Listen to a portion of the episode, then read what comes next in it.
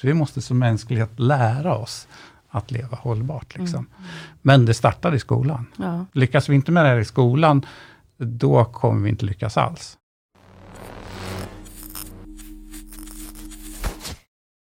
Hej Johan Öhman och Linnea Urberg. Välkomna till Ortalks. Mm. Tack, Hej. tack så mycket. Hur är läget? Det är bra. Det är bra. Mm. Ja, mm. Kul att ha er här. Uh, idag ska vi prata om hållbar utveckling i skolan. Uh, och dels den modellen som du har jobbat fram, bland annat Johan, och mm. den avhandlingen som du jobbar med, Linnea. Um, och jag heter ju Anna-Karin, för er som inte vet det sen innan. Um, hur, hur ser det ut idag? Hur jobbar vi med hållbar utveckling i skolan idag? Har ni någon uppfattning om det? Alltså någon uppfattning kan man ju ha, men vi vet inte särskilt mycket om man tittar så rent vetenskapligt. Eh, jag var med och gjorde nationell utvärdering av miljö och bildningen i skolan för 20 år sedan idag. Och det är faktiskt den senaste nationella studien som har gjorts. Så att vi saknar rätt mycket kunskap om, om vad som faktiskt görs i skolan. Liksom. Sen har vi väl kanske lite känsla av vad som görs. Och vi, vi jobbar ju i vår forskning mycket med, tillsammans med skolor och sådär. Och, och, där kan man väl säga att vi, vi vet att eh, det skiljer väldigt mycket. Vissa skolor är enormt ambitiösa, gör mycket saker. Och andra skolor gör väldigt mycket mindre. Så det är väl den känslan som, som, som vi har. Vad säger du Linnea, som har liksom närmare kontakt med skolan, som nyss har varit ja. lärare? Jag tänker att det är ganska olika mellan skolor, men också beroende på vilken lärare det är, och eh, hur engagerad man kanske är personligen i frågan. Även om det finns liksom riktlinjer i kursplanen, så tänker jag mig att det handlar väldigt mycket om enskilda lärares engagemang också. Just det, och då tänker jag direkt att det är en risk att det är enskilda lärare som driver det här. För att är det så att den, den läraren väljer att sluta, så har ju det engagemanget och arbetet en tendens att kanske dö ut då, då med den personen. Så. så kan det ju vara. Um, och då tänker jag att då är det ju alldeles perfekt att du har jobbat fram en didaktisk modell för det här arbetet, Johan. Ska vi ta oss in i den direkt, tänker jag? Ja, men det kan vi göra. Ja, Absolut. Berätta. Ja, eh, den här modellen som, som jag har utvecklat då, tillsammans med en forskarkollega, Louise Sund, den försöker alltså beskriva eh, av vad ett, ett hållbart engagemang är. Eller, eftersom jag har skrivit en artikel om det här på engelska, så heter det Sustainability Commitment, då, som egentligen är ett bättre begrepp. Eh, och utgångspunkten är egentligen så här att vi menar att den här utbildningen, alltså den, den borde sträva efter att alla får ett engagemang för de här frågorna. Alltså skolorna borde jobba med att man får ett engagemang. Och det är helt nödvändigt att vi har ett engagemang alla. Sen hur engagemanget ser ut, eh, vad man tycker är viktigt och hur samhället ska förändras. Ja, men det måste vara upp till var och en. Men bara att man är engagerad i de här frågorna, det har vi sett som en så säga, utgångspunkt. Och det skiljer sig då från andra ämnen, andra innehåll i skolan, där man kanske jobbar med matematik eller svenska. Alltså det behöver man inte vara engagerad för, de ska man lära sig de sakerna. Men det här är viktigt att, att vi verkligen är engagerade för de här frågorna. För att det handlar ju faktiskt till syvende och sist om mänsklighetens överlevnad och många andra arters överlevnad också. Så det är bakgrunden. Därför har vi försökt skapa en modell där vi försöker beskriva Ja, men hur, vad består ett sånt här engagemang då av egentligen? Liksom, vilka delar bör ingå i ett engagemang för att det ska bli ett just hållbart engagemang? Och då menar vi hållbart, både att det är ett engagemang för hållbarhet, men också ett engagemang som håller över tid, så att säga. Just det. Det låter ju superintressant eh, och väldigt eh, väl genomtänkt naturligtvis. Eh, John Dewey, har du läst det om här. Och att han hade en modell för inlärning och att den sker genom möten. Där mm. i baserar du lite grann av den här, ni ska jag säga, den här mm. modellen som ni har utvecklat. Precis, och man kan säga att modellen är skapad både utifrån de teoretiska perspektiv som vi jobbar med. Dels John Dewey, andra didaktiker som Wolfgang Klafke och så vidare. Så vi har försökt skapa liksom en teoretisk grund för att hävda att det här är ett vettigt sätt att jobba med ett engagemang. Men sen har vi också ja, över 20 års forskningserfarenhet.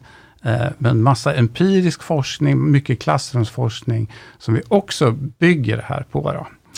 Eh, men tillbaks till John Dewey, som var mm. amerikansk eh, filosof, som var verksam i första halvan av, av 1900-talet. Då, som är den, den eh, teoretiker som vi vilar väldigt mycket av vår forskning på. Då. Jo, men han menar mycket riktigt att det vi lär oss, det är liksom i möten. Alltså i de erfarenheter som vi skapar i möten. Och där vi liksom samordnar oss med vår omgivning. Och då pratar han både om den liksom materiella omgivningen, den sociala och den kulturella. Då. Och det är där som själva lärandet sker. Då. Och då beskriver han det som att i de här mötena så sker dels Alltså den har flera olika aspekter varje möte. Alltså dels så finns det liksom en handlingskomponent i det där. Jag gör ju saker, mm. som vi sitter här nu och pratar. Vi, vi handlar liksom i det här mötet. Eh, men sen så finns det också, alltså det som en, en praktisk komponent. Då. Men så finns det också en intellektuell komponent i det här. Liksom jag, jag tänker, jag reflekterar, jag använder mina tidigare erfarenheter och så vidare. Liksom. Eh, jag skapar mening liksom, utifrån vad är det vi pratar om och, och, och, och så vidare. Då. Men så finns det också en känslomässig komponent. Liksom som alltid knyter ihop de här, det här praktiska och det här tänkandet. Liksom. Jag, jag blir engagerad eller jag blir lite nervös eller någonting. Alltså det händer en massa känslor liksom hela tiden i de här upplevelserna. Och tillsammans så, så menar du att det blir det som han kallar för en experience då på engelska, som är lite svårt att översätta. Då. Och det är i de här mötena då som vi kan lära oss nya saker. Liksom, genom att vi börjar ifrågasätta det som vi tog för givet förut. Det han kallar för sina, våra vanor, liksom våra vanliga sätt att tänka, våra vanor som vi har att uppleva saker. Och så möter vi nya saker i vår omgivning, nya människor eller någonting annat, eller jag läser en bok. Och så får jag ifrågasätta mina vanor och så måste jag lära mig någonting nytt för att gå vidare. Då. Men hela tiden med den här intellektuella, den praktiska och den känslomässiga liksom, aspekterna som finns med i varje lärande situation egentligen. Precis, jag tänker de här empiriska studierna som ni också, de här 20 års eh, empiriska studier. Hur, vad, vad har man sett där och vad är det utifrån det som ni har tagit med er in i modellen som ni har utvecklat? Ja, men vi har liksom filmat väldigt mycket klassrumssituationer då. Där vi försöker liksom fånga sådana här lärande situationer då.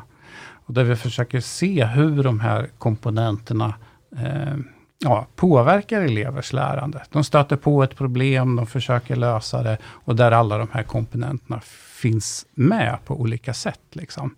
Och det kan se väldigt olika ut. Ibland är det liksom den känslomässiga aspekten som sätter igång ett lärande, så att säga. Att jag, jag blir eh, upprörd över någonting, eller jag blir engagerad för någonting. Liksom rent känslomässigt och sen så sätter det igång en lärandeprocess. Ibland kan det vara rent intellektuellt, att jag står där, nej men jag förstår inte, hur hänger det här ihop? Och så startar det själva processen. Liksom. Så, så det kan se olika ut. Men mycket sådana studier har vi gjort. Och där vi också tittar på, hur agerar lärare i de här situationerna? Hur, hur arbetar lärare för att iscensätta de här situationerna? För det är mycket det lärare gör. De skapar situationer liksom, som sätter igång sådana här lärandeprocesser. Men inte bara det, utan läraren går ju sen in och liksom på olika sätt vägleder i de här processerna som då startar. Då. Och det är mycket det vi har forskat på och som ligger till grund för det här. Just det, och nu säger du något viktigt, att läraren har ju en superviktig roll här, en alldeles avgörande roll. Jo. Absolut. Ja, precis. Verkligen. Ja. Det och då, hur, hur ska lärarna jobba då för att skapa ett hållbart eh, engagemang över tid hos, hos sina elever? Ja, det är väl i princip det som vi försöker beskriva i den här modellen då. Eh, som, eh, som vi menar att, att ett hållbart engagemang, det består av, liksom, av, av, tre delar. Alltså det består naturligtvis av kunskaper. Man måste ha goda kunskaper om de här sakerna. Om, om eh, ja, om hållbarhetsproblemet, om, om, om tillståndet i världen och eh, om eh, eh, ska man säga, om biosfären, mänsklighetens relation, hur vi fördelar våra resurser, eh, alla de sakerna. Men också kunskap om kritiska perspektiv. Liksom. Eh, vi jobbar mycket till exempel med post och dekoloniala perspektiv, som försöker belysa hur, huden, det moderna samhälle vi har byggt upp, liksom till stor del har eh, varit beroende av att, att vi har utnyttjat resurser från andra delar av världen och gör det fortfarande till exempel. Som ställer mer liksom kritiska frågor, där vi inte bara lär oss fakta, utan vi också börjar kritisera. Eller eh, Niklas Lindgren i vår forskargrupp som jobbar med posthumana perspektiv, som tar in eh, eh, djurens rättigheter i den här aspekten på ett, på ett nytt sätt som man kanske inte har gjort förut också. Alltså, djuren som en del av den globala demokratin kan man säga. Nu sa du posthumana. Ja. Vad är det? alltså det är en, en uh, filosofisk riktning, alltså som går utöver humanismen. Alltså humanismen säger på något sätt att alla människor har ett lika värde. Alla måste vara en del i, i, i, i, i demokratin, om man så vill. Så säger posthumanismen, ja, alla människor har ett lika värde, men vi måste räkna in djuren i den här värdegemenskapen också. Bra. Kort. Tack. Ja. det, är, det, det är sådana där begrepp som kanske är bekanta för, för dig och, och för dig, mm. men jag tänker mm. för, för mig och mm. för våra tittare och lyssnare, så kan det vara bra att klargöra. Den, den andra liksom delen i det här med ja. kunskap, som man ofta missar i skolan, som jag tror är viktigt, det är att man inbegriper sig själv i kunskapen. Det vill säga att, att man pratar om, alltså hur relaterar jag till världen? Ofta lär vi oss om världen där utanför oss, så att säga. Men mm. hur står jag i förhållande till det här? Alltså rent praktiskt, vad är jag beroende av? Vad påverkar jag? Rent etiskt, alltså vad har jag för ansvar? Vad har andra för rättigheter? Eller politiskt, vad, vad är rättvist? Liksom? Lever vi på ett rättvist sätt? Handlar vi på ett rättvist sätt? Alltså, att den typen av kunskap också kommer in, där jag själv blir en del, där jag lär mig om. Då. Så det är kunskapskomponenten. Och sen så menar vi att det måste också finnas en handlingskomponent. Alltså det räcker inte bara att vi kan en massa saker. Om vi inte också lär oss hur vi ska handla, alltså kommer det inte hända någonting. Eh, och då menar vi att, alltså att vi behöver alltså både moraliska liksom handlings, alltså livsstilsförändringar. Och vi behöver kunna handla utifrån liksom politiska perspektiv. Det vill säga, hur påverkar man samhället? Hur, hur får man det att förändras? Eller vi pratar om deliberativa handlingar. Alltså hur, hur kan jag utveckla goda argument för det jag tror på? Eller innovativa handlingar, alltså att skapa någonting nytt. För väldigt mycket av det här handlar ju om att skapa någonting nytt. Så alla den här typen av handlingar måste vi också lära oss göra. Så vi pratar om en handlingskompetens som måste utvecklas. Och sen tror vi den tredje delen i modellen här, det är att vi måste jobba med känslorna. För att om vi kan mycket och vet hur vi ska handla, men om vi inte har med känslorna i det här, Eh, då får vi inga drivkraft. Alltså det är känslorna som driver oss framåt. Och därför så tror vi att lärare också måste jobba aktivt med känslorna. Och alla möjliga känslor, alltså både sådana här starka engagemang och vilja och så. Men sen kan det också vara känslor som, som eh, man känner hopplöshet eller förtvivlan inför situationen. De måste vi också jobba med, att de blir liksom aktiva krafter i det här. Men, men det finns ju också känslor som, som eh, hos elever som gör motstånd mot hela den här, alltså där det här hållbar utveckling blir ett hot mot deras eh, livsstil och deras tänkande. Och det är den forskning som, som Linnea har börjat jobba med här, som mm. vi tror kommer vara väldigt viktig. För det är, en, det är någonting som man har glömt bort, att alla är inte eh, stora Greta Thunberg-fans av ungdomarna, mm. utan det finns många som tänker andra saker. Och de måste naturligtvis också bli delaktiga i detta. Då. Precis. Så kunskaps... Eh, vi behöver kunskap och vi behöver ha känslor kring det här och vi behöver veta vad vi ska göra. Ja. Så kan man säga va? Ja. ja och jag tänker eh, spontant för min egen del också, att det är ju något som även gäller för mig och för för dig och för dig och för dig. Det är inte bara inom skolans värld som det här är viktigt. Jag kan tänka mig att många kan känna en hopplöshet och en, en svårighet för att man inte vet hur man ska agera. Man vill väldigt gärna men man vet inte hur. Mm.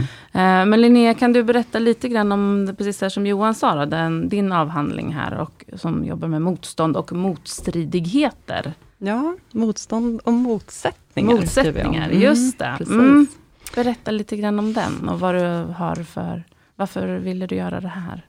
Ja, Eh, jag jobbade som lärare på ett, en högstadieskola på landsbygden under några år. Och där kunde jag väl till viss del känna av någon form av motstånd. Mycket kanske man var rädd för att man skulle höja bensin och dieselskatter och man kanske på något sätt var, hade en rädsla att förlora privilegier i sin egen situation, eller att man kände att besluten tas i städerna och eh, de liksom anpassas inte efter vår situation. Men sen pratade jag också med en kollega som analyserade det här och hon eh, jobbade på olika yrkesprogram på gymnasiet. Och vi förde liksom en diskussion om att för på fordonsprogrammet där hon undervisade, där upplevde hon att det fanns ett väldigt motstånd och att eleverna verkligen motsatte sig undervisningen. Och mycket av det motståndet tolkade hon som att det var den här rädslan för att förlora privilegier till exempel. Men när de sen undervisade på el och energiprogrammet, då var de väldigt hoppfulla och de liksom såg en ljus framtid med solcellsmontering och att de liksom på något sätt kunde tjäna på hållbarhet och att det var därför de engagerade sig mer.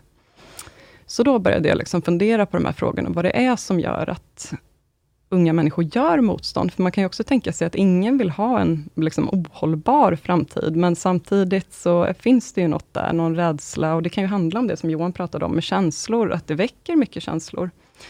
Men att jag också eh, vill titta på vad det är mer som kan väcka motstånd och motsättningar, då, inom, både inom diskursen hållbarhet, för jag undersöker ju också till exempel som man kan ju säga att Greta gör ett motstånd när hon strejkar, eh, för att hon vill liksom ha snabbare åtgärder. Hon tycker att vi behöver förändra systemet på ett annat sätt. Men så kan man ju också se det som att före detta presidenten Trump gör ett motstånd också, mot diskursen hållbarhet också, till exempel.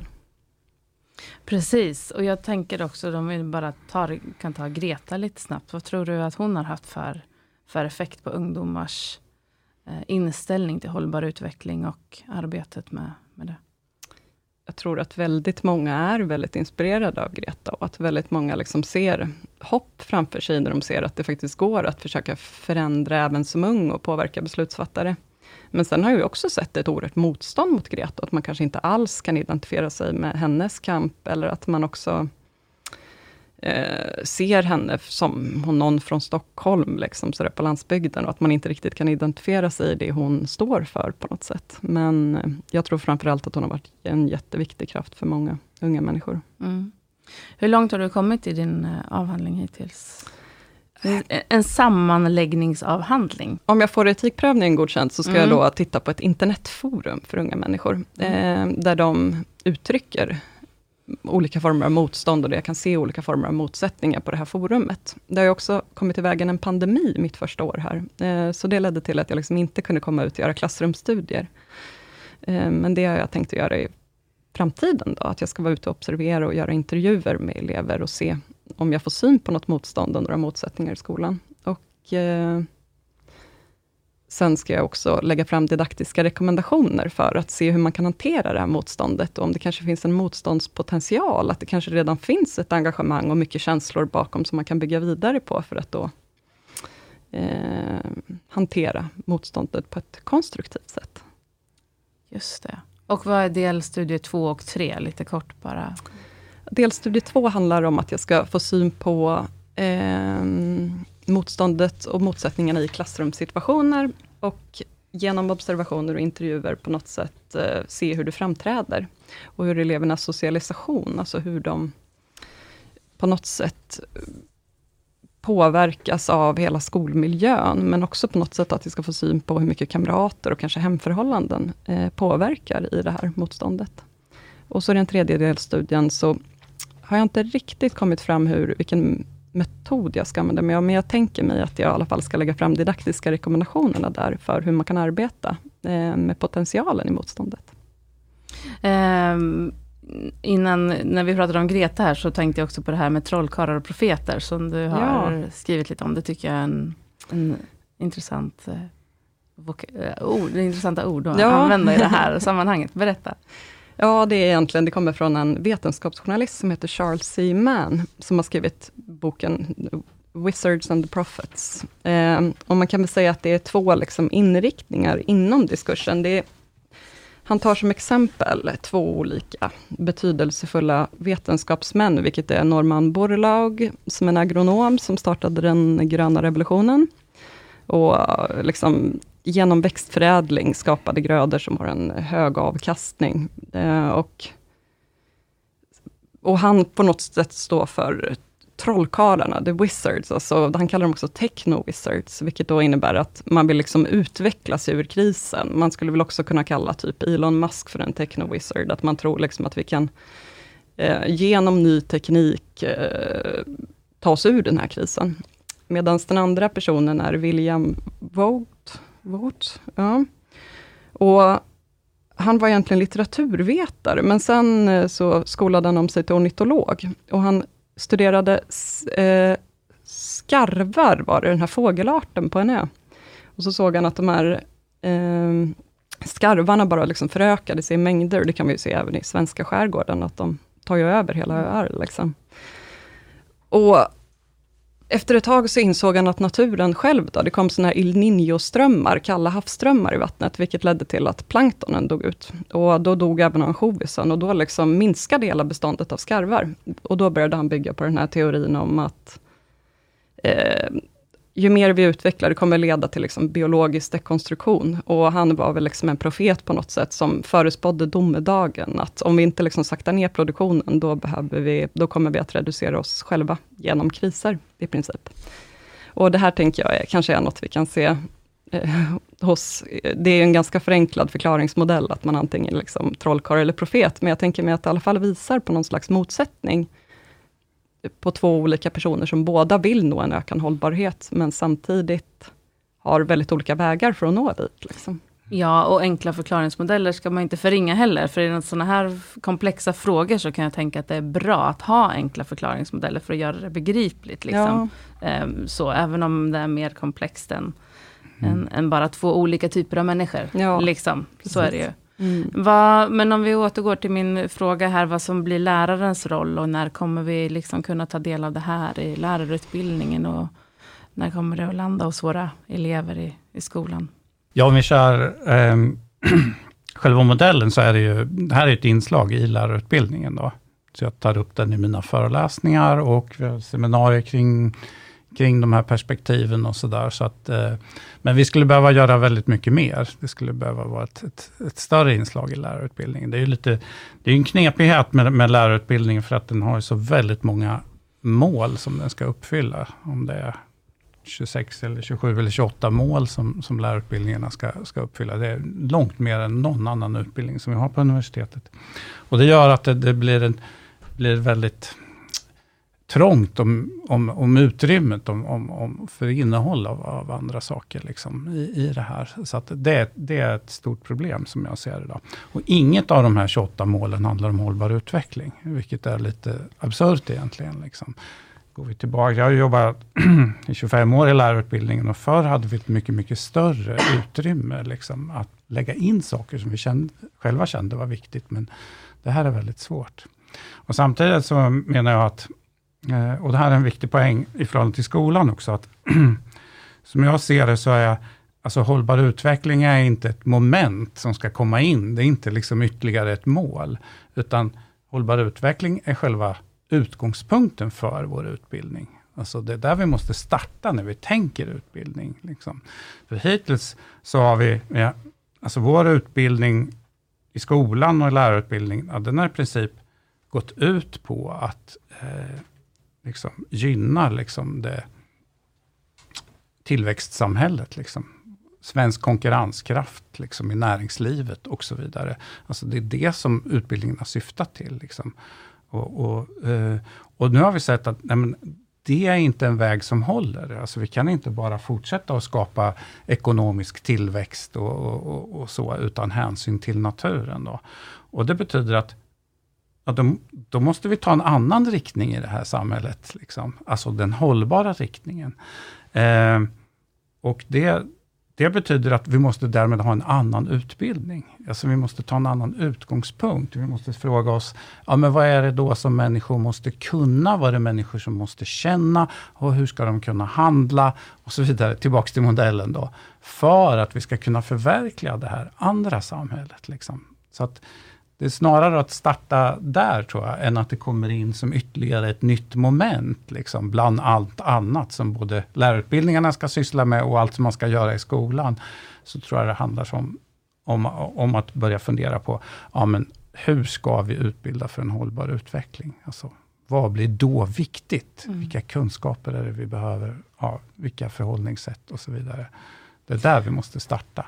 Jag har, jag, fort, jag har två frågor i huvudet. Dels så kände jag att jag himlade lite med ögonen när du sa att inget av de här 26, 27 eller 28 målen har med hållbar utveckling att göra, vilket eh, det känns ju omodernt på något sätt, om man får säga så i de här sammanhangen.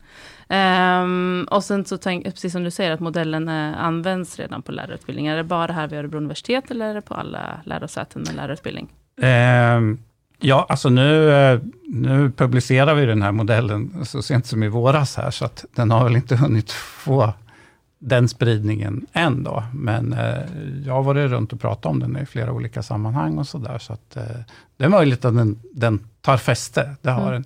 Så, alltså vi har jobbat med, med andra modeller, andra typer av modeller tidigare. Då. Alltså vi har jobbat med eh, Alltså vi har sett att man utbildar kring hållbar utveckling, så kan man göra det på tre olika sätt. Antingen en, en, en faktabaserad, där man satsar på mer kunskap, eller en normerande, där man satsar på att förändra människors attityder och, och, och förhållningssätt. Eller en pluralistisk tradition, eh, där man mer tar fasta på det demokratiska perspektivet och säger att ja, vi ska inte förorda en speciell modell för hållbar utveckling, utan vi varken trollkarlar eller profeter, utan, utan kanske snarare att vi ska granska de olika alternativen på ett kritiskt sätt, och sen får var och en ta ställning. Liksom. Och det där faktabaserade, normativa och det, det pluralistiska, alltså den modellen som vi skapade för 20 år sedan, den har fått ett väldigt stort genomslag, skulle jag säga. Alltså den används på många lärarutbildningar. Och, och i mycket forskning också. Så att, så att, Men just den här nya, du publicerade i våras, den används bara här på Örebro Ja, universitet. den kör vi på Örebro universitet. Ja, men det är bra. Det är en, en, ja, men det är bra. Men ja, man vet aldrig vad, vad, vad det tar väg. Och artikeln som du publicerade här i våras, den har du inte skrivit själv. Den är ju en, en grund i en forskarmiljö som ingår i. Ja, men precis. Äh, själva artikeln har jag skrivit tillsammans med Louise Sund, och den artikeln ingår i ett forskningsprojekt som vi har eh, i den här eh, forskargruppen, som heter ESERGO, då, som står för Environmental and Sustainability Education Research Group Örebro. Men ESERGO är lite smidigare att säga. Då. Ja. Så vi är tio stycken forskare som jobbar här i Örebro eh, med de här sakerna. Och den här forskargruppen ingår i sin tur då i, en, i en större forskningsmiljö som heter SMED. Eh, SMED har funnits i ja, 20 år nu och, och det finns forskare på, i flera ämnen och även på andra universitet, eh, framförallt Uppsala universitet, som har jobbat med det här. Så vi har en ganska lång historia av forskning kring de här sakerna. SMED står då för Studies of Meaning Making in Educational Discourses. Mm, det är också lättare att säga SMED. SMED är lite lätt. Precis. Um, och om vi går tillbaka till den här tanken, jag tänker ändå på lärarna här ute i, i, i skolorna, som, som jag möter eh, också, då, eh, utifrån mina barns skolgång och så. Um, hur, hur, hur tror ni att de tänker kring det här, och vad är deras upplevelse av nya sätt att jobba, nya sätt att förhålla sig hela tiden och det är mer och mer krav och, och hela den biten. Och nu ska de också ytterligare engagera våra, våra barn i, i klimatfrågan och hållbar utveckling. Ja, min erfarenhet är väl att eh, de flesta lärarna, jag har jobbat som ämneslärare och i nästan alla ämnen arbetar man ju med hållbarhet på ett eller annat sätt. Eh, så det är väl något som alltid har ingått, tänker jag också. Men eh, sen är det väl lite olika hur, till vilken i, i hur hög grad och olika lärare tar till sig ny forskning och liksom vidareutbildar sig. Det är oftast liksom på fritiden som det sker. Eh, men man får väl hoppas att studenterna som utbildar sig till lärare får den här kunskapen med sig direkt. Ja, det hoppas mm. vi. Vad tänker du Johan? Ja, eh, det där med att föra in ytterligare någon sak då, som jag var inne lite på förut, så tror jag att eh, det är viktigt att, att, att tänka på de här frågorna, inte som, som sagt ytterligare ett innehåll, utan det är en utgångspunkt för hela utbildningen. Och att man kan tänka hållbar utveckling som ett snarare ett didaktiskt verktyg.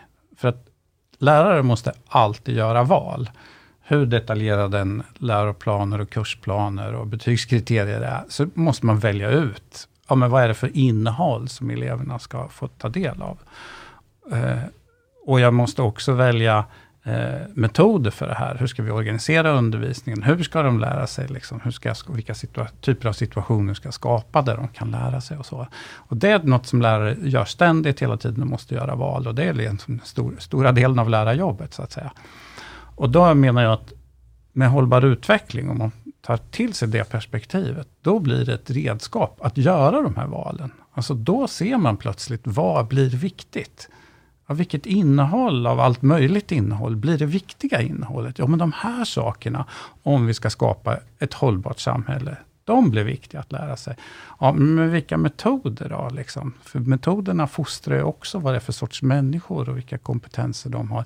Ja, då väljer jag de här metoderna, för de måste kunna de här sakerna. Liksom.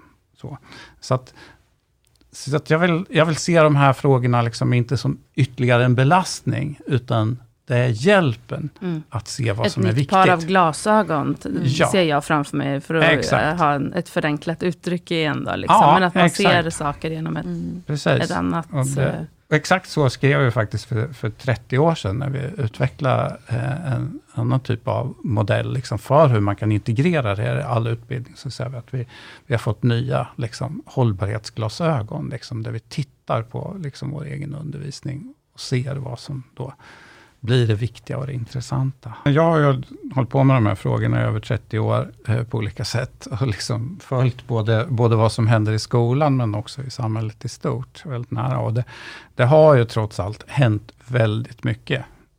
Det, det, det måste man stryka under. Liksom att, eh, eh, alltså det, ja, man kan se det både och. Alltså man kan både säga att det har hänt väldigt mycket på, från där, där vi stod. Um, Idag, idag om man bara öppnar tidningen, det står om klimat, klimatförändringar. Det finns en debatt som är ständigt närvarande. Alla politiska partier har liksom ett program för klimatfrågan till exempel och andra hållbarhetsfrågor. Så att den liksom är på agendan på ett sätt som det aldrig har varit. Sen kan man ju då, när man liksom blir insatt i de här frågorna, bli frustrerad över att det har gått så långsamt. Trots att det har hänt mycket. Jag menar, för och på 80-talet så då jobbade jag som biologilärare på högstadiet. Då undervisade jag mina elever om klimatförändringarna och växthuseffekten, som man pratade om då. Och varnade för vad som kommer hända. Alltså det är 30 år sedan var det en kunskap som en högstadielärare hade. Och, och egentligen först nu så börjar vi liksom dra de politiska konsekvenserna av det här. Eh, och, det, och det kan ju i sin tur vara frustrerande. Liksom. Men, och samtidigt så ser vi att det går trots allt åt rätt håll. Liksom. Även om vi, har, vi upplever ett motstånd. Det där som mm. Linnea tittar på, det är inte bara hos enskilda individer, utan det finns ju också ett politiskt motstånd runt om i världen som, mm. som, som blir, blir allt starkare. Va? Och samtidigt så tror jag att vi, vi är bara i början på någonting. Alltså som kommer, det kommer krävas så mycket mer av oss. Alltså det här är ingen liten förändring. Det kanske är en av de största förändringarna i mänsklighetens historia. Som jag tänker att vi alla behöver ta på oss nya glasögon. Inte bara eh, så är lärare och lärarutbildare. Så är det. Och så, och så, utan det är alla. Liksom. Så att jag skulle säga att vi har, vi har liksom... Någon har pratat om vi har gått ifrån liksom en, vi pratar om klimatet då, som en klimatförnekelse.